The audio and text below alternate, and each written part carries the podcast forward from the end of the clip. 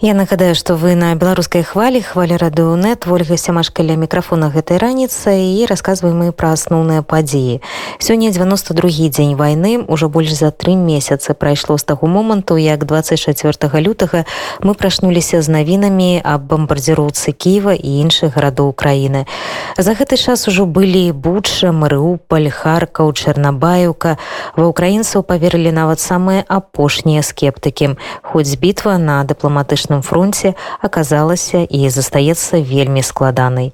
Украінскі дыпламат, эксперт па пытаннях знешняй палітыкі і бяспекі Александр Хара падсумаваў у размове з нашым карэспандэнтам Аленай Прыходзька галоўныя змены і падзеі трох месяцаў вайны. Ну, передусім слід сказати, що 8 років і 3 місяці іде війна. Просто ми безумовно кажемо про широкомасштабне вторгнення з воєнними злочинами, небачуваними після Другої світової війни масштабами. І тому Власне, для нас, для українців, змінилася лише інтенсивність е, конфлікту з Росією, але не сутність його щодо того, що відбулося. Ну фактично, хотів би сказати, один з ключових моментів цієї всієї нашої сучасної історії, е, те, що президент Зеленський залишився в Києві, не полишив його і сказав, що мені потрібна не евакуація, а зброя. А це дуже важливий момент, який відбувся. Бо безумовно, українці боронили свою державу, боронили би свої там міста, свої свої оселі але системний е, руху і опір був би безумовно підірваним. І тому це надзвичайно важлива річ. Я не вже не кажу про те, що помилилися і західні політики, і військові, і експерти, що Україна не здатна буде втриматися 48 годин там чи трохи більше, і що Росія занадто потужна, що вона все ж таки зможе перемолоти українську оборону. Тобто це окрема тематика. Але от е, факт, що він залишився, фактично він е, те, що називається live up to the channel. Тобто він став е, відповідним до тих викликів перед українською нацією, які є, і це надзвичайно важливо і цікаво, оскільки до 24 е, лютого президент Зеленський під перебував під критикою. Ну, ви знаєте, у нас є традиція українців, що ми є напевно більш анархісти, е, уж точно не монархісти. І наступного дня, після того як когось обираємо, ми потім його критикуємо і хочемо там імпічмент чи щось таке. Тобто, в принципі, у нас в крові, от ця нелюбов до влади, да на відміну від росіян, де який би покидьок не був при владі, він він залишається там, поки не помре і не замурують його там, чи в цю кремлівську стіну, чи кудись. Так ось Дуже важливий момент став такий, що він е, змінився кардинальним чином. Його риторика, його дії. Я сказав би так, що десь може там 1-2% із того, що він каже чи робить, воно викликає якісь, е, скажімо так, е, побоювання чи там критику з боку активного суспільства. Хто цікавиться політикою, хто бере участь у захисті держави від рашистської цієї агресії. Надзвичайно важливим моментом стало те, що фактично ці внутрішні чвари політичні вони були відставлені на другий план зараз з тим, що ми затримали пана Медведчука, який є кумом російського президента, який був е, таким сірим кардиналом, який пов'язував російську цю владу ФСБ е, з українською політичною елітою, і безумовно він грав на боці ворога. І от зараз, от буквально вчора чи позавчора, він е, виступив, оприлюднили його виступ. і Він там звинувачував президента Порошенка в корупційних, значить, різних речах. Оце от перший такий момент, коли от з'явилося щось таке, і в суспільстві, особливо ті прихильники Порошенка, почали почали казати, що це там політичне переслідування. А так, в принципі, всі ці три місяці не було жодного такого моменту, який би е, суспільство розколював, і це є надзвичайно позитивною річ. Надзвичайно позитивною річ є те, що президент Зеленський своїм неформальним таким спілкуванням з західними лідерами і парламентами і суспільствами, от через звернення відео, там ролики, і таким дуже неортодоксальним. Ви знаєте, от мені раніше це дуже не подобалося, як колишньому бюрократу, дипломату, що він дуже часто використовував такі емоційні речі, а не е, прийняті в дипломатичній чи політичній мові оберти. Зараз я бачу, що це було доречним. От власне після 24 лютого він знайшов ті правильні підходи до струн е, душі європейців і американців, і власне він е, впливає от таким емоційним чином на них на розуміння, яка яка біда прийшла до України, і чому українцям треба допомагати. Недаремно він стане людиною року по версії журналу Тайм найбільш впливової людини країною світі, не президент Байден, який безумовно ми йому вдячні за цю допомогу. Це неоцінена допомога, яку надає Сполучені Штати, але безумовно, якщо б не було би фактору Зеленського, можливо би і не було всього іншого. І тут, до речі, ну його я маю на увазі Зеленського порівнюють з Черчиллем, Ну не знаю, чесно кажучи, наскільки це є прямий відповідник, але певні його дії вони дуже схожі. Хочу нагадати, що не дуже просто було Сполучені Штати підключити, під'єднати до е, європейських чвар в 39-му році. І власне Черчилль е, доклав багато зусиль для того, щоб переконати американський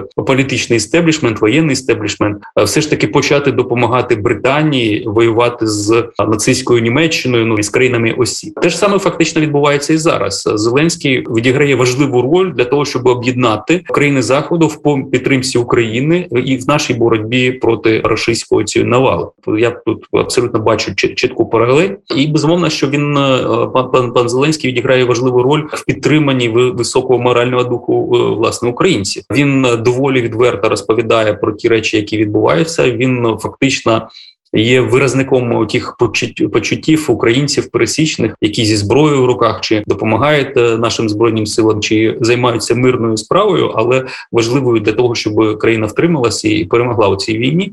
Тобто він є мотивуючою такою особистістю, і власне його можливо навіть оці акторські здібності вони прийшли стали в нагоді. Хоча з іншого боку, ви знаєте, для мене от те, що якщо такі якісь флешбекс, такі от як ну такі згадки е, чи маленькі картини картинки із нашого цього нашої цієї довгої історії цих трьох місяців. Це коли він був в Бередянці, і там є фотографія, здається, Нью-Йорк Таймс. От е, це обличчя жаху і жалю від того, що він побачив ці звірства е, расистів, які от ну вони від нацистських нічим не відрізнялися, і навіть якщо він можна так його рахувати як добрим актором, який може е, контролювати свої емоції, ну там точно він не зміг цього зробити. І це теж знаєте дуже важливі моменти, коли політики є справжні справжні ширі і людяні, або такі, а не просто вдавані, як ну зазвичай буває. Тому ці моменти е, емоційні підбадьорення української нації, це звернення безпосередньо до людськості, людяності в наших е, партнерах в інших країнах. Вони відіграли важливу роль.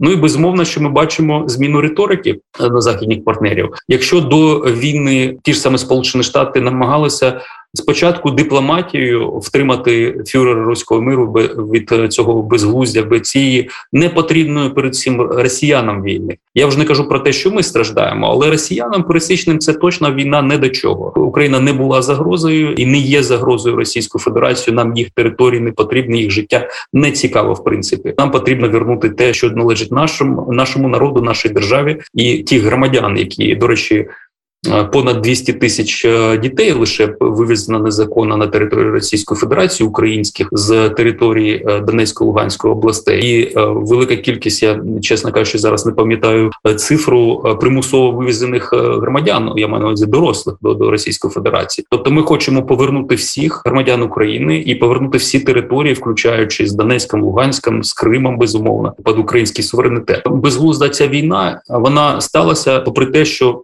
Пан Байден намагався спілкуватися безпосередньо з Путіним, утримати його, і потім він вирішив давати нам зброї більше для того, щоб ми більш потужними були би і стримали Росію. Цього не сталося, і не сталося того, що Україна програла в перші там дві доби чи три доби. І тоді в Вашингтоні, в західних столицях, зрозуміли, що системний опір є, відсіч збройних сил є і тому їх треба підтримувати більше для того, щоб Україна зберегла якомога більше територій і на якихось певних таких прийнятних умовах підписала е, угоду про припинення вогню чи, чи мирну угоду. Потім, через певний час, коли ми фактично вже виграли битву за Київ, е, відкинули від Сум від е, Чернігова і Харкова у Вашингтоні. Зрозуміли, що у України є шанс виграти цю війну. Мається на увазі нанести таку поразку і не дати можливість Росії нав'язати нам якісь інші умови. І тому змінилася став ставлення. Тобто, фактично, ми за ці три місяці побачили від того, щоб нічого не робити, особливо намагатися дипломатично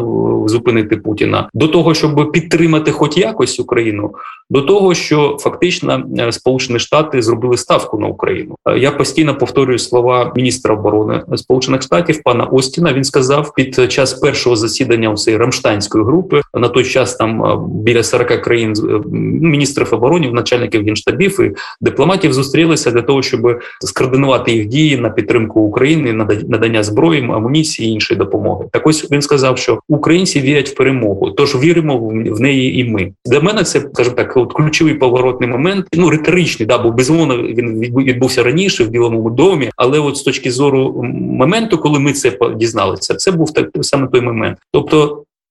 Захід, якщо можна так сказати, бо це така не інституційна річ, складно порівняти там той ж сам Берлін, Париж і Вашингтон в їх е, позиціях. Але в цілому захід зрозумів, що Росія має програти, принаймні вона не має виграти. І риторика то дещо відрізняється. Американці роблять ставку на виграш України, британці це роблять. Я ж не кажу про Балтійців і поляків. З німцями трохи інша історія. Німці кажуть, що Росія не має виграти. Да, тобто вони не кажуть, що Україна має перемогти, але Росія не має виграти. Французи намагаються якось вони підтримують нас дуже сильно, але риторика мені не дуже подобається. Це зберегти обличчя Путіна, віддати йому частину території для того, щоб їх підписати щось мирне. Ну це точно. Во французькому стилі давайте згадаємо власне, як вони воювали під час Другої світової війни. Ось і невідомо скільки е, спротива була е, оця рух спротива, да і Деголі, комуністи, які воювали проти нацистів, і скільки було на власне колаборантів на нацистському боці, але це те інше питання. Тому можна сказати, що успішна була з політичної точки зору діяльність і президента України, уряду України. І ця дипломатична діяльність на залучення на наш бік власне країн заходу е, вона була успішною. Меншою мірою успішна чи не зовсім успішна, це була, наприклад, на, на в напрямку Індії чи Китаю, тих країн, які допомагають Російській Федерації зараз вийти з цієї ізоляції і власне пом'якшити дещо вплив е, санкцій. Китайці купують російську нафту, в принципі, з великим дисконтом роблять це індуси. Але я сподіваюся, що через певний час, е, ну принаймні, індуси зрозуміють, що краще бути частиною цього єдиного західного фронту, аніж допомагати країні, яка руйнує руйнує світоустрій, е, від дій яких залежить е, ну фактична безпека і в інших точках земної кулі. Я кажу не лише про ядерну зброю, бо останнім часом росіяни постійно е, цей чинник згадують його навіть за часів е, волюнтаріста Хрущова так не використовували ядерну зброю по погрози світові. Я не кажу про карибську кризу, то окрема історія була. Да, а потім, в принципі, вони комуністи в Москві е, вони були більш притомні ніж е, нинішній Путін. Ядерна загроза. І другий момент це регіональна безпека. Ми бачимо, як потерпають і інші країни, передусім наші сусіди. Але і зараз це у зв'язку з цією економічною блокадою, блокадою парків чорноморських, фактично українське зерно не буде е, в тому в той кількості на е, ринках світових.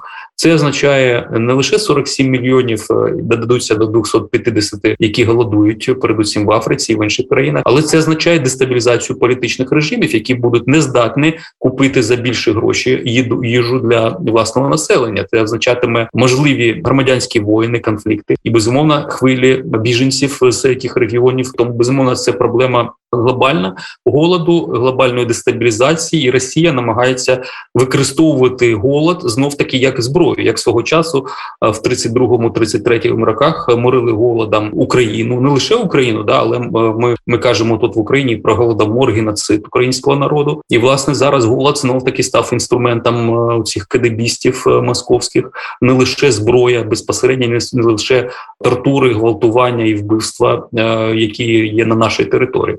Тому все ці речі скажімо, це складна палітра. Ми намагаємося реагувати, намагаємося переконувати наших партнерів, ті, які не долучилися до вільного світу в засудженні Росії, які допомагають певним чином Росії вийти в спіці цього тиску санкційного. Але ну, в принципі, за великим рахунком є успіхи дипломатії, успіхи особистості Зеленського, і є успіхи власне європейців у пересмисленні їх самих за великим рахунком. Це внесок України от в сучасну європейську цивілізацію. Ми е, дали е, сенс е, власне для, для, для існування і в тому числі європейської спільноти, щоб вони зрозуміли, що цінності це надзвичайно важливо, свобода надзвичайно важлива, і за це слід захищатися, за це слід воювати. Ось ви згадали Індію і Китай, і некалькі дзён тому у Давосі Генрі Кісінджер у своїй промові сказав, що все ж таки Україна павінна здатися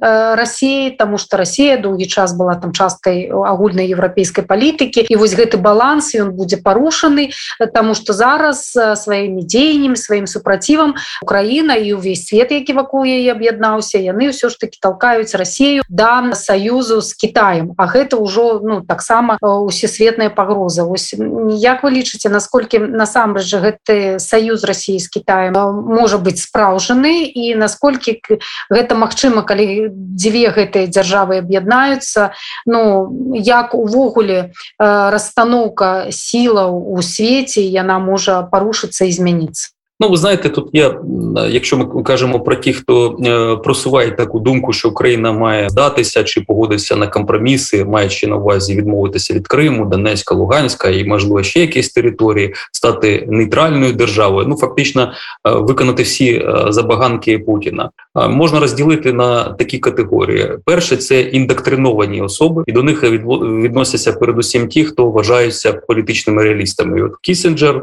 Мершимає, там низка інших, які от власне в їх світогляді, в їх схематичному уявленні про міжнародну політику там вирішують все ті, у кого є міць. Міць воєнна, економічна і інша. І власне тому вони кажуть: ну України немає шансів, е, і вона має просто підкоритися волі е, більш потужних держав. Я не кажу про цінності, да, тобто, ми в принципі про це вже трохи казали. Але мені здається, що перша помилка цих людей, які е, вони обраховують міць Росії занадто високою, тобто українські збройні сили які були там в рейтингах до війни 24 лютого, десь там наприкінці списку. А Російська Федерація, ну принаймні, вона себе вважала другою армією світу. Ми показали, що це не так. Тобто, ми показали, що ми здатні власною зброєю, оскільки перші е, власне е, тижні ми воювали передусім нашою зброєю. Безумовно, були там і Джавеліни, і е, енлави британські, але здебільшого це були теж саме наші стугна, Корсари і інші противотанкові. Я вже не кажу про решту танк, артилерія, авіація, все було е, пострадянська чи українська. Потім, коли нам почали давати інші засоби, ми стали воювати більш ефективно, і вже ця е, навала, численність е, не були такою великою перевагою для Росії. Ми розуміємо, що економічна місць Російської Федерації це ціна на нафту та газ. І зараз з, з тим, що Європа е, більше і більше відмовляється від російських енергоносіїв, оскільки вона зробила велику помилку, і це велика помилка, передусім пані Меркель, яка посадила на е, нафтову і газову голку, передусім Німеччину, але й інші країни. Вони від цього зараз відмовляються. Росія намагається переорієнтуватися на західні ринки, і е, дякуючи санкціям, це не дуже добре виходить зараз. На даний момент десь 15% е, нафти, яка загружена в танкерах, вона просто бовтається десь в світовому океані, оскільки немає кінцевого ну, покупача. Ось тому е, ця міць економічна, вона фактично буде зруйнована. Далі це технологічна відсталість, тобто і в технологічному плані це є відсталою державою. Я вже не кажу про соціальний політичний бо в принципі Росія е, не є розвинутою демократією. Це точно вона по суті є фашистською державою. Є фюрер, є фактично органи влади. Вони є єдиними. Немає судової чи законодавчої гілки влади. Це фактично є ФСБ, яке контролює все. Немає громадянського суспільства, немає вільного медіа. І власне тому всі обрахунки Росії як великої потуги вони е, неправильні, окрім одного показника ядерної зброї. Але ми знаємо, що ядерна зброя це зброя, яку не можна застосовувати, і вона відіграє виключно роль стримування. Ну, якщо Росія стримує захід від нападу на себе, безумовно на заході і навіть е, божевільно, найбільш божевільні не хочуть цього, то відповідно і захід стримує Російську Федерацію ядерною зброєю е, рівним е, чином. Тобто, в принципі, тому ця фактор ядерної зброї він е, тут недоречний в нашому конфлікті з точки зору оцього е, змагання між великими потугами. Якщо Сполучені Штати чи інші країни не зараз не допоможуть Україні виграти цю війну, це означатиме, що війна буде на території інших держав, що Росія не зупиниться, і власне тому оці політичні реалісти е, їх думки про те, що Росію можна задовольнити чимось, віддати Крим, там якісь інші речі, і вона зупиниться на цьому. Вони безумовно помиляються. Ну і безумовно питання Китаю, з якого ви почали. Пан Примаков, який був і міністром закордонних справ, і прем'єр-міністром Російської Федерації, і ледь не став президентом Російської Федерації. Є так звана доктрина Примакова. Перше, що е, світ багатополярний, мається на увазі, що е, не лише Сполучені Штати, от вони як надпотуга керують світом після 91-го року, але є інші центри, і передусім росіяни мають на увазі себе і китайці. І власне, це розуміння е, величі трьох держав е, США, Китаю, Російської Федерації, воно воно є одною з частиною світогляду політичної еліти і безмовно Путіна. Другий момент це е, збирання земель русських. Третій пункт це НАТО, зупинка НАТО, розширення, оскільки безумовно в Москві розуміють, що там, де є НАТО, немає Росії. Ну тобто вони ж лише розповідають, що бояться НАТО, що це агресивний блок. Але насправді питання в іншому. І, от, до речі, от е, зараз після агресії Росії широкомасштабної Фінляндія і Швеція вступають до ЄС, до НАТО. І яка реакція? Ну тобто, якщо ця війна проти України ведеться, щоб Україна не стала членом НАТО, і НАТО є е, смертельною небезпекою, то чому проковтнули е, входження Фінляндії, яка має 1340 кілометрів з Російською Федерацією, Китай потрібен Росії для того, щоб балансувати. І е, оскільки росіяни розуміють, що вони слабка країна, в виключно лише ядерною зброєю можуть погрожувати, але ми бачимо, від е, Україна б'є російську непереможну армію. І уявіть собі, що було б, якщо б е, була війна зі сполученими штатами, скільки би діб ця так, така конвенційна війна велася, бо безумовно би що розкатали би під нуль доволі швидко. Тому скажімо так, я собі не уявляю, щоб в Москві мріяли стати молодшим партнером Пекіну. Ось, але в будь-якому випадку е, це не воєнним чином буде відбуватися, буде просто засвоєння, оскільки є динамічна е, країна, що динамічно розвивається. Е, яка потребує потребує ресурсів, яка має великий демографічний ресурс, і є слабка країна, яка ледь контролює великі простори великих ресурсів, яка їх марнує, яка не здатна не створити таку політичну економічну систему, щоб забезпечити. Я не кажу про власне населення, а забезпечити нормальну воєнну потугу. Хоча а китайці дивляться ж на нас, да, як на, на цю війну вони е, вивчають ці уроки. Ось і тому е, я не впевнений, що китайці взагалі дивляться на Росію як справжнього стратегічного партнера. Вони теж їх використовують проти заходу і е, певною мірою жалкують, що власне так відбувається з, з значить останнім часом, оскільки безумовно для Китаю е, європейський ринок надзвичайно важливий, і ця війна вона фактично руйнує економічний порядок і, і власне динаміку, яка намічалася позитивно після 2008 року е, фінансово-економічної кризи, і е, власне 2019 року ковіду, оскільки економіка безумовно була е, було завдано великий удар європейський, китайський, але європейський ринок надзвичайно важливий. І безумовно, китайці б хотіли би мати Росію більш притомною, щоб її територію через Україну, в тому числі, китайські товари йшли на захід захід. Зараз це неможливо робити, в, скажімо так, в умовах цих блокад, санкцій і інших речей. Тому е, цього наближення стратегічного справжнього бути не може, оскільки несумісні режими політичні, е, бачення світу несумісне для Китая. Сучасний світовий порядок він є цікавим. Вони хочуть його дещо змінити. Вони хочуть зменшити обмеження, які в них є, які там американці їх намагаються тримати в рамках, передусім в, е, в азіатсько-тихоокеанському регіоні, точніше, за американською технологією е, термінологією індо-тихоокеанському регіоні. Ну вони точно не хочуть зруйнувати цей світовий порядок, який е, зіждеться на е, власне ліберальних правилах на міжнародному праві і на вільній торгівлі. Росія намагається фактично це зруйнувати, тому це не в інтересах Китаю. І тому, коли Кісінджер чи хтось інший каже, що Росію можна відтягнути від Китаю, е, вони помиляються, і ви не і Росію не можна відштовхнути до Китаю. Росія намагатиметься до останнього грати незалежну роль і компенсувати свої втрати на заході через Китай, але вона точно не хоче втратити свою суб'єктність. Оце велич, бо це ж в них в принципі як ДНК. І для китайців це теж не, не, не потрібно. Е, мені дуже сподобалася е, цитата однієї з журналісток китайських, коли е, вона сказала: От ви звертаєтесь до нас, маючи на увазі Сполучені Штати і інші країни західні, допомогти вам значить, впоратися з Росією. Ну навіщо ми це будемо робити? Щоб ви вивільнили ресурси для того, щоб поратися з нами? І тобто, це от власне є формула, яким чином мислять в Китаї. Вони будуть підтримувати трохи Росію для того, щоб вона не впала, для того, щоб вона не почала розвалюватися, але не такі не, не тією мірою, щоб дозволити Росії зруйнувати сучасний світовий порядок до кінця, да і і, і власне перемогти в цій війні. Китайці теж зацікавлені, щоб ця війна закінчилася якомога швидше.